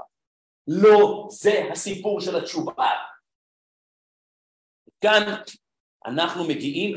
אל ה-40 יום האחרונים שאנחנו עכשיו בעיצומם. ויאמר אדוני אל משה, זה נאמר לו אגב בכ"ט, אנחנו נראה במפורש בדברי רש"י, נאמר לו בכ"ט באב, זאת אומרת בסיום של השמונים יום, של הארבעים השניים. כ"ט באב, שפה אנחנו נכנסים, עוד רגע נכנסים לספירה אחרת, שאנחנו עכשיו בעיצומה, ולכן מנהג היהודים יוצאי ספרד להגיד את הסליחות, כל הסיפור של הסליחות כולו אומר אש והגמירה, זה הסיפור הזה שאנחנו קוראים פה עכשיו. אני חושב שאני לא מגלה פה סוד. כל הסיפור של הסליחות.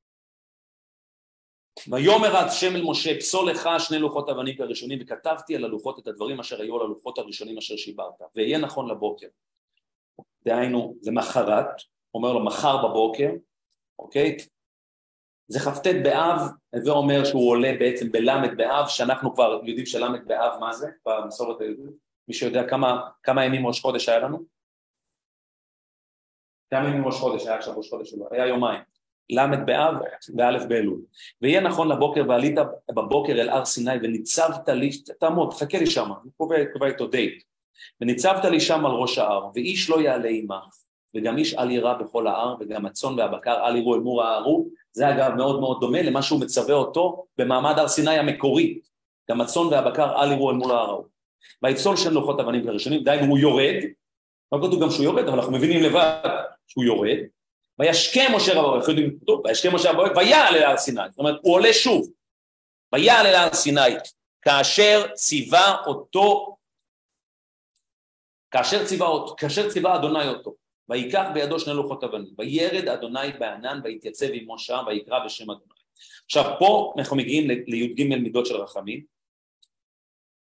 לכאורה או לא לכאורה, כל הסיפור הזה קורה ממש כשהוא עולה עם הלוחות, במפורש, הוא עולה עם הלוחות, ואז שימו לב, ויעבור השם על פניו, אתה זוכר? דיברנו על, על ויעבור השם על פניו ויקרא אדוני אדוני אל רחום וחנון ערך אפיים ורב חסד באמת נוצר חסד אלפים שזה כל הסליחות כולם מרש והגמירה לא ינהג וכולי וכולי וימהר משה ויקוד ארצה וישתב ואז מיד הוא מבקש, ויאמר אם נצאתי כאן בעיניך אדוני ילך נא אדוני בעינינו כי כשעורף הוא, וסלחת לעווננו לחטאותינו, פעם ראשונה שהוא מוציא את המילים וסלחת, וסלחת לעווננו ולחטאותינו ונחלתנו, ואז לא כתוב שהקדוש ברוך הוא באמת סולח, הוא אומר הנה אנוכי, שימו לב מה קורה? כורת ברית נגד כל עמך אעשה נפלאות אשר לא נבראו בכל הארץ ובכל הגויים, וראה כל העם אשר אתה בקרבו את מעשה אדוני כי נורא הוא אשר אני עושה עמך. עד כאן הפרשה הזאת. ואני הקטן רוצה לשאול שאלה מאוד מאוד פשוטה. כל הסיפור הזה קורה מיד כשהוא מפורש, מיד כשהוא חוזר ועולה להר סיני. מה הוא עשה שם עוד ארבעים? הנה, גמרנו, קיבל את י"ג מידות של רחמים, אמר לו הנה אנוכי קורא ברית, משה רבינו היה יכול לסמן V, מה שנקרא באנגלית The mission is accomplished, המשימה בוצעה בהצלחה. אז קומפליטי. המשימה בוצעה. למה? בשביל מה הוא מבלה שם עוד 40 יום? בשביל מה הוא הולך לשם עוד 40 יום? אז 40 יום הראשונים אנחנו באמת לא יודעים מתי זה בדיוק היה, זאת אומרת, אבל כאן את צודקת, קודם כל את צודקת, 40 יום הראשונים, בשביל מה בכלל לא יכול לבוא לקחת את הלוחות בשביל מה? זאת אומרת, את צודקת לחלוטין, מה שמך? את צודקת לחלוטין שברור שהשהות ב-40 יום היא איננה, כמו שכבר דיברנו מקודם, היא לא כי יש לו עכשיו אה, סדרה של משימות ופגישות לעשות ביומן. ה-40 יום עומדים כשלעצמם, זאת אומרת, אומנם הוא מקבל את הנושא הזה שצריך לדבר עליו בנפרד, שאת הי"ג מידות של הרחמים. אגב, בי"ג מידות של הרחמים, אם אתם תסתכלו היטב, לא בדיוק ברור לנו מי אומר מה. ויתייצב עמו שם ויקרא בשם השם, ויעבור השם על פניו ויקרא, השם השם, השם אומר על עצמו. דווקא יכול להיות שויקרא זה משה רבינו קורא, אז זה מין, זה מין משהו שהוא מאוד חמקמק, איפה נגמר משה רבינו ומתחיל הקדוש ברוך הוא ולהפך. זה מין איזושהי הזדהות מאוד מאוד מאוד עמוקה של הקדוש ברוך הוא עם ההוויה, שבעצם חקוקה בי"ג מידות של רחמים. אבל כמו שאת אומרת, הסיפור הזה של הארבעים יום, משה רבינו יודע, כי לכאורה ביום כיפורים לא קורה שום דבר. לפי הקריאה הזאת, שאין קריאה אחרת, לא יכולה להיות קריאה אחרת, סליחה שאני אומר לכם, ביום הכיפורים לא קורה כלום, לא קרה כלום. נכון שאנחנו אומרים ויאמר השם סלחתי כדבריך, ועוד רגע נראה, ורש"י אומר שזה היה ביום, וזה לכאורה, זה לא קרה ביום כיפור. אני אקרא, אני חוזר לדברי רש"י, ובראש חודש אלול נאמר לו ועלית בבוקר אל הר סיני לקבל לוחות אחרונות ועשה שם ארבעים יום שנאמר ואנוכי עמדתי בהר כימים הראשונים אומר רש"י מה הראשונים ברצון? אף האחרונים ברצון. אמר ומעתה האמצעים היו בכעס רוני זה מוקדש לך המשפט הזה. יש כאן ארבעים יום שהם ארבעים יום של זוגיות אבל זוגיות ממורמרת. זוגיות עם אנרגיה רעה. אבל זוגיות עם אנרגיה רעה שאף אחד בשלב הזה לא חושב ללכת לבית הדין. יש כאן איזשהו שיקום של היחסים, שהוא שיקום הדרגתי, שלוקח זמן עד שמגיעים מחדש באמת לרמת אינטימיות ונוכחות משותפת טוטאלית. וזה תהליך, זה הבניה. כאשר המטרה זה מה הראשונים ברצון, אף האחרונים ברצון. אמור מעתה, האמצעים היו בכעס. זאת אומרת, כל המטרה שלנו בכל הארבעים יום האחרונים, כל הארבעים יום האחרונים, מאלף ועד תף, מאלף באלול עד י' בתשרי, זה להגיע למצב של מה? של מה הראשונים ברצון, אף האחרונים ברצון. ואנחנו נראה עוד רגע את הרש"י הנוסף שאומר את זה בצורה עוד הרבה יותר מפורשת. אני אקרא אבל, אני אסיים את הרש"י הזה. בעשרה בתשרי נתרצה הקדוש ברוך הוא לישראל בשמחה ובלב שלם. ואמר למשה סלחתי כדבריך. דברי רש"י הללו, דברי רש"י הללו הם תימה גדולה מאוד. כי הקדוש ברוך הוא לא אמר למשה רבינו, צלחתי כדבריך בי' בתשרי, אין לזה שום קשר בי' בתשרי. אין לזה שום קשר בי' בתשרי. הקדוש ברוך הוא אמר לו, צלחתי כדבריך מיד לאחר מסע העגל. מסע העגל היה מתי? לפי המסורת היהודית, מסע העגל היה בתשעה באב. אז הוא אמר לו את זה בח' באב, או סליחה, בי' באב, י"א באב. אין לזה שום זכר. שום זכר. ואז כך אומר רש"י, ואמר לו למשה, סלחתי כדבריך. זה פשוט לכאורה לא נכון, פשוט עובדתית לא נכון. הוא מסר לו לוחות אחרונות, וירד והתחיל, ו- וירד והתחיל את צוותם על מלאכת המשכן, ועשה עוד אחד בכניסה. מה זה, מה זה מלאכת המשכן? מלאכת המשכן זה לקחת את הקפסולה של הנוכחות ולהנציח אותה במשכן כנוכחות. ולכן כל עבודת המשכן, כל עבודת יום כיפור קורית איפה? במקדש. בתוך הקפסולה של הנוכחות. ומהי הקפסולה הכי פנימית של הנוכחות? קודש הקודשים. זה, ה, אומרים באנגלית, האסנס של הנוכחות. זה התמצית של האינטימיות. שאז ביום הכיפורים יש לנו מגע אל האינטימיות הזו במובנה הכי מזוקק ומרוכז. כן, האסנס זה תמצית בעברית, התמציתיות של הנוכחות. אבל זה כבר דיבור בפני עצמו, ואולי נדבר לפני יום כיפור. מה שאני כן אבל רוצה להגיד, זה, זה דבר שהוא פלא, הוא לא אמר לו ביום כיפור סלט כיפור. אין שום דרך אחרת להסביר את דברי הרש"י הללו מלבד שעצם הנוכחות היא הסליחה. זאת אומרת שכשהנוכחות מגיעה לרמה כזאת של אינטימיות, כל המשקעים, כל הכעסים, כל הטענות, האשמות, הכל מתאפס. לא צריך לא לבקש על הסליחה, לא להיענות על הסליחה. זה היא-היא הסלחתי כדברים. אם יש פה למישהו אחר בקהל הסבר יותר טוב, אני ממש אשמח. כי זה פשוט לא קרה. זה אירוע שלא קרה. רש"י מתאר פה אירוע שלא קרה, אירוע אחר לחלוטין, שקורה כמה שנים טובות לאחר מכן.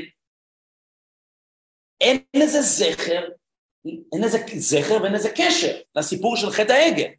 אם יש מישהו באינטרנט אולי שיש לו איזה רעיון, אין לזה זכר, אין לזה קשר. אני רוצה לקרוא את הרש"י הנוסף, שזה רש"י בפרשת עקב, והתנפל לפני השם מאוד מאוד מקביל לרש"י הקודם, והתנפל לפני השם לראשונה ארבעים יום שנאמר, ועתה אעלה אל השם אולי, החפ... אולי החפרה, באותה עלייה אומר רש"י, נתעכבתי ארבעים יום. נמצאו כלים בכ"ט באב, מה שלמדנו, שהוא עלה בשמונה עשר בתמוז. זה קצת רש"י אומר י"ט בתמוז, בסדר. בו ביום נתרצה, בו ביום נתרצה הקדוש ברוך הוא לישראל, שמעתם? בו ביום, דהיינו כבר, לפי רש"י הזה בי"ח בתמוז הוא כבר התרצה, ואמר לו למשה פסול לך שני לוחות הרבנים, הוא אמר לו כבר אז, אבל מה? הוא החליט להישאר, כי הוא החליט להישאר, הוא אמר, שמע, אני כבר פה, עליתי עד למעלה, להישאר עוד ארבעים יום. עוד ארבעים יום נמצאו, כמובן אני אומר את זה בציניות, כן? נמצאו כלים, אה, ואמר לו למשה פסול לך עשה, סליחה, פסול לך שני לוחות אבונים, עשה עוד ארבעים יום. נמצאו כלים ביום הכיפורים. בו ביום, מה זה בו ביום? ביום הכיפורים. נתרצה הקדוש ברוך הוא לישראל בשמחה. ושוב רש"י חוזר על המשפט התמוה שלו, ואמר לו למשה סלחתי כדבריך. אין לזה שום זכר בכתוב. לכך הוקבט למחילה ולסליחה. אומר רש"י, ומניין שנתרצה ברצון שלם, שנאמר בארבעים של לוחות האחרונות, ואנוכי עמדתי בהר כימים הראשונים. מה הראשונים ברצון, אף האחרונים ברצון, אמור מעתה, אמצעים היו בכעס. שורה תחתונה, אני חושב שבבחינה הזאת זה בהחלט יסכם. הסיפור הזה פעם ראשונה, אני חושב, שלמדנו טקסט לא חסידי, לא פילוסופי, לא... אולי יש טקסט שיש בו הכל, אבל אולי הטקסט הוא טקסט של כל הטקסט, טקסט שכל הטקסטים שאנחנו נקרא באים אחריו, הוא הנייר לקמוס של הטקסטים, שבאופן מאוד מאוד מובהק מעמיד אותנו בהערה אחרת לחלוטין על מושג התשובה. על, על האירוע הזה, עוד לפני האמת שעוד לפני מושג התשובה על מושג אחר. שאנחנו, חוויית החטא היא חוויה של ניכור, של בדידות, אם מישהו דיברנו מקודם על הגירוש של האדם הראשון. תמצית חוויית החטא היא הגירוש. היא הנקודה הזאת שהאדם חווה את ההורדה של השלטר. אגב, בשביל זה אנחנו גם, מי שיודע, אנחנו עושים מאורי האש בכל מוצאי שבת. הוא חווה חושך, הוא חווה היעדר, הוא חווה ניכור, הוא חווה ריחוק, חווה התניה גדולה בינו לבין השלמות של ההוויה, ההרמוניה של ההוויה. זו חוויה שביסודה היא חוויה דיסהרמונית. דיסהרמונית, אין, האינטימיות לא קיימת יותר. אגב, כשהיא לא קיימת, ממילא גם יש לו בושה מבחינת המיניות. אבל זה כבר אספקט נוסף של הנושא. והוא צריך שיקום מחדש. השיקום אגב זה וידע אדם את חווה אשתו, שזה קורה מיד לאחר מכן, אבל זה דיבור בפני עצמו. יש, אגב, בדברי חכמים, בוודאי ב... בספר הזוהר זה מפותח הרבה יותר, אבל גם אפילו בהרבה מקומות אחרים, שאברהם, שאברהם, האדם הראשון, חווה 130 שנה של ריחוק ובדידות גדולה. ולמעשה, בארי כתוב בזוהר, שלמעשה כל התיקון של במאה ה-30 שנה האלה, אלה המאה ה-30 שנה שהעם היהודי היה במצרים, שבעצם נועד לברר את, ה, את, ה, את הפירוד של הניצוצות. זה צריך לדבר בצורה נפרדת, מונחים קצת יותר עדינים, אבל הרעיון הוא שהוא רעיון של חוויה מאוד מאוד אה, מנוכרת. היא חוויה כשאדם, והיא חוויה שאין בה אינטימיות, וכשאין אינטימיות נולדים הרבה מאוד אנרגיות רעות, הרבה מאוד דברים רעים נולדים בעולם, שאין נוכחות של, של אינטימיות משותפת. והאדם זקוק לשיקום. ואנחנו, כל התכלית שלנו היא תכלית שנועדה לחדש את האינטימיות ואת החוויה ההרמונית בעולם. כשיש הרמוניה ממילא גם אין חטא. אנחנו מבינים את המשמעות של ההרמוניה. והתיקון או הסליחה שאליה אנחנו מכוונים, הסליחה הזאת של יום הכיפורים, שבנקודת השיא הזאת של יום הכיפורים, שאגב לא היו ימים טובים לישראל כחמישה עשר באב יום הכיפורים שבו היו יוצאות בנות ישראל, זאת אומרת שזה גם מצב של חידוש האינטימיות, חידוש הברית. והמצב הזה של חידוש הברית בסופו של דבר הוא הלב של מעשה התשובה. יש בעניין הזה, להבדיל אגב פה בין, אני חוזר למה שהתחלתי לדבר בראשית דבריי, על הקונטרסט לדברי הרמב"ם. אצל הרמב"ם התשובה היא בראש ובראשונה בחירה. צריך לבחור בטוב. שוב, זה לא סותר, כבר לא. ברור שזה לא סותר. אבל חוויית התשובה אצל הרמב"ם בווידוי, יש חוויה מאוד מאוד של, של, יש משהו מצמית בחוויית הווידוי. יש משהו של מאוד, אדם תוקע סכין בליבו. אין פה חוויה של בחנותי את אשר נכון וריחמתי את אשר אהב. וזה מין ראייה אחרת שפותחת לנו מין איזשהו עולם חדש של הסתכלות. ומי שבאמת נכנס וככה רוכב לחלוטין הראייה הזו, וברור לי, ברור לי, שכך באמת הייתה גם הקריאה שלו, של הפרשה הזאת, ואני יכול גם להראות זאת, היה, קודם כל הייתה החסידות. ובדייקה האדמו"ר הזקן, שהוא הבעל התניא, שהוא התיאולוג הגדול של מחשבת החסידות, הוא למעשה הניח את היסודות התיאולוגיים של מחשבת החסידות, של הפילוסופיה של החסידות. ובטקסט שאנחנו לא, לא, נקרא, לא, לא מופיע פה, ואנחנו, אני אשמח ללמוד בשבוע הבא, נגיד אותו ברמת הכותרת. האדמו"ר הזקן אומר, אנחנו אומרים בספר תהילים, דוד המלך אומר בספר תהילים, כולם מכירים את הפסוק הזה, כי עמך הסליחה למען תברא. אומר האדמו"ר הזקן, היו צריכים, והיה צריך לכתוב, כי מאיתך הסליחה. אם אני מבקש ממך סליחה, אז ממך סליחה, או מאיתך סליחה. אומר האדמו"ר הזקן, לא כתוב לא כי מאיתך סליחה, וגם לא כתוב כי ממך הסליחה. מה כתוב? כי עמך הסליחה. הסליחה היא לא אני מבקש, זה לא כספומט שאני לוחץ את הקוד, כמה כסף אני צריך, ואז אם יש כסף בבנק, אז הבנק, אז הכספומט אה, יפלוט לי את מספר השטרות שביקשתי. כי אז זה מהכספומט, זה לא עם הכספומט. עמך הסליחה. עצם הנוכחות שנקראת עמך, שם נמצאת הסליחה. כי עמך הסליחה למען תברא. אם תרצו, זה בדיוק מה שרש"י אומר, שבו אז נאמר לו ויאמר השם סלחתי כדבריך, הוא לא אמר לו את זה, אבל מה הוא אמר לו? הוא הפך להיות כי עמך, ואם זה כי עמך, ממילא סליחה. אם זה כי עמך, ממילא סליחה. וזה דבר שהוא אבן יסוד חשוב מאין כמותו, בהבנת גם מושג החטא וגם מושג התשובה. אני הבטחתי שאני לא אחרוג משעה ורבע, ויש מצב שזה כבר מתחיל להיות גבולי, כבר מתחיל להיות גבולי, אז אני רק ממש בנגיעה, ממש בנגיעה. שבוע הבא מה שאנחנו נעשה, אנחנו כבר ממש נצלול פנימה בכמה טקסטים רציניים של האדמו"ר הזקן בספר ליקוטי תורה. אז אני ממש אקרא ממש ממש את זה, ופה אנחנו נחתום. אני לדודי ודודי לי, מה לנו יותר אינטימיות? אני לדודי ודודי לי, מאיפה הפסוק הזה לקוח? משיר השירים, זה הספר, כל השירים, קודש, שיר השירים קודש קודש. זה הספר של, של, של, של חידוש האינטימי. אני לדודי ודודי לי. ראשי תיבות אלול. כי באלול מתחיל בחינת אני לדודי, בבחינת התערותא דלתתא, ההתעוררות מלמטה, עד ראש השנה ויום הכיפורים, שהיא בבחינת המשכת אלוהותו יתברך למטה, מבחינת התגלות, כמו שנאמר שמאלו תחת ראשי וימינוך תחבקני. זה עכשיו האדמו"ר הזקן פה ממש מצטט כמעט מילה במילה את דברי הארי, שמופיעים כמובן בדברי תלמידו הגדול רבי חיים ויטל, שמאלו תחת ראשי וימינו תחבקני, שמראש השנה עד יום כיפור מבחינת שמאלו, מבחינת יראה, לפי שאז הוא זמן התגלות מלכותו יתברך. לכן קוראים לו המלך, זה הקריאה הגדולה של ימים נוראים, כי מלכותך מלכות כל העולמים. פירוש שאפילו בעולמות הנעלמים תיפול עליהם אימת המלך ופחדו. ומזה נמשך גם למטה על כללות נשמות ישראל לקבל עול מלכות שמיים עליהם ותאיר רתו על פניהם כל השנה. כי יראת השם ואהבתו אינה עשויה ונטועה בלב כל אדם מכוח עצמו, כי היא מכוח הערה נמשך עליו מלמעלה בעת וזמן התגלותו, דהיינו בראש השנה מבחינת יראה.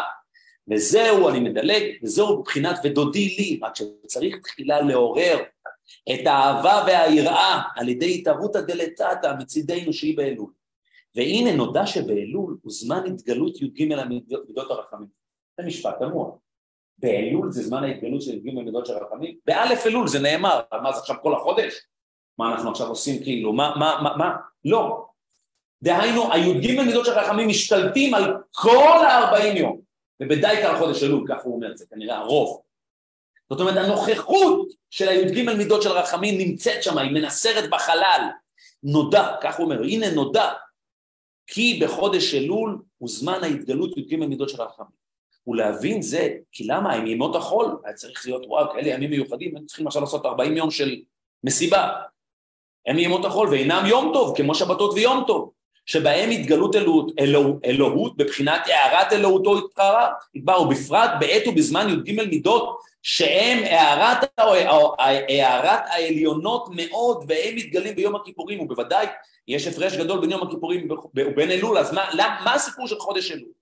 אני אקרא רק את המשל הזה וצריך אפשר לדבר על זה הרבה ואנחנו נדבר על זה גם בשבוע הבא אך הנה יובן, וזה משל מאוד מאוד ידוע, זה הפך להיות סלוגן, מי שאגב מאוד מאוד ממש שקד לפרסם את העניין הזה ולעשות איתו מה שנקרא בחב"ד קוראים לזה שטורם גדול, ככה פרסום גדול היה הרב האחרון של חב"ד, שממש ראה בעניין הזה ממש אחד מהדבר, הגולת הכותרת של כל הימים הללו. הנה יובן על פי משל, למלך שקודם בואו לעיר, יוצאים אנשי העיר לקראתו, המלך בא, עוד רגע הולך לבקר בעיר, אבל לפני שהוא בא לעיר, אז יוצאים אנשי העיר לקראתו, מקבלים פניו בשדה, ואז רשאים כל מי שרוצה לצאת להקביל פניו, כי הוא מקבל את כולם בסבר פנים יפות ומראה פנים שוחקות לכולם. ובלכתו העיר הרי הם הולכים אחריו. ואחר כך בבואו להיכל מלכותו אין נכנסים כל אחד ברשות, כי כל, אין נכנסים כי אם ברשות. וגם זאת המובחרים שבעם ביחידי סגולה. וכך העניין לדרך משל, בחודש אלול יוצאים להקביל אור פניו יתברך בשדה. כי הנה כתיב יאר השם פניו ואליך, שהוא עניין הערת י"ג מידות, שיהיה פנים בפנים, דהיינו שיאיר גילוי פנימיות רצונו יתברך למקור נשמות ישראל, על ידי שיהיה עיקר פנימיות רצונו אליו יתברך, לדבקה בו בלב ונפש מעומקא דליבה, במסירות נפש, כמו שכתבנו במקום אחר. וההערה הזאת היא נמשכת מבחינת אל שהוא ראשית כל אל, אל מלא רחמים. שהוא מבחינת כל הי"ג מידות ומקורם מוכרח לעולתם. וכמו שכתוב אל, כמו שכתוב אל השם ויער, אה, אל השם ויער לנו ישרוחק באבותים הקטנות המזבח, אל השם, זאת אומרת האל זה נקודת ההערה, זה קודם הדבר שצריך להרחיב בנפרד. אור אין סוף ברוך הוא עצמו נמשך, כי הוויה השם לוקח אש כלה, אני אדלג, כי כביכול הארת הפנים המאיר לכללות ישראל הוא מבחינת אל שהוא מבחינת אור אין סוף, ברוך הוא עצמו ממש. ולכן נקרא ישראל מלשון שר אל וכולי וכולי, דהיינו שיש בכל נפש ישראל ניצוץ אלוהות ממש המחיה נפש האלוהית וכולי וכולי וכולי, אבל על זה אנחנו גם נדבר בשבוע הבא. בשורה התחתונה, האדמו"ר הזקן פה, איך אומרים, זה הרמנו לו להנחתה, זה הפך להיות גולת הכותרת, זה הפך להיות המרכז, ואני חושב, בהמשך למה שאמרנו ברגע לפני שאני חותם, לא רק שאין סתירה, היכולת הזו, אני חושב שגם נפש האדם היא מספיק רחבה, היא מספיק מורכבת ועשירה, בשביל באמת להכיל את המורכבות הזו, של התשובה הקוגנטיבית, המודעת, הצלולה, הווידוי, הקבלה, הבחירה, מושג החירות, מצד שני להבין שיש משהו בתקופה הזאת שאנחנו צריכים להראות. אנחנו צריכים לחפש חסד, צריכים לחפש רחמים, צריכים לחפש הכלה, נוכחות, אינטימיות.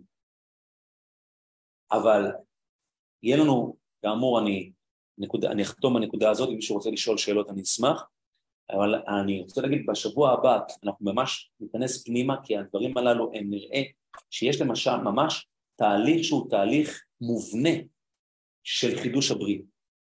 יש תהליך מובנה של תיקון, אה, והוא, והוא תהליך, תהליך, זה לא דבר שקורה, זה ממש ממש ממש כמו בזוגיות.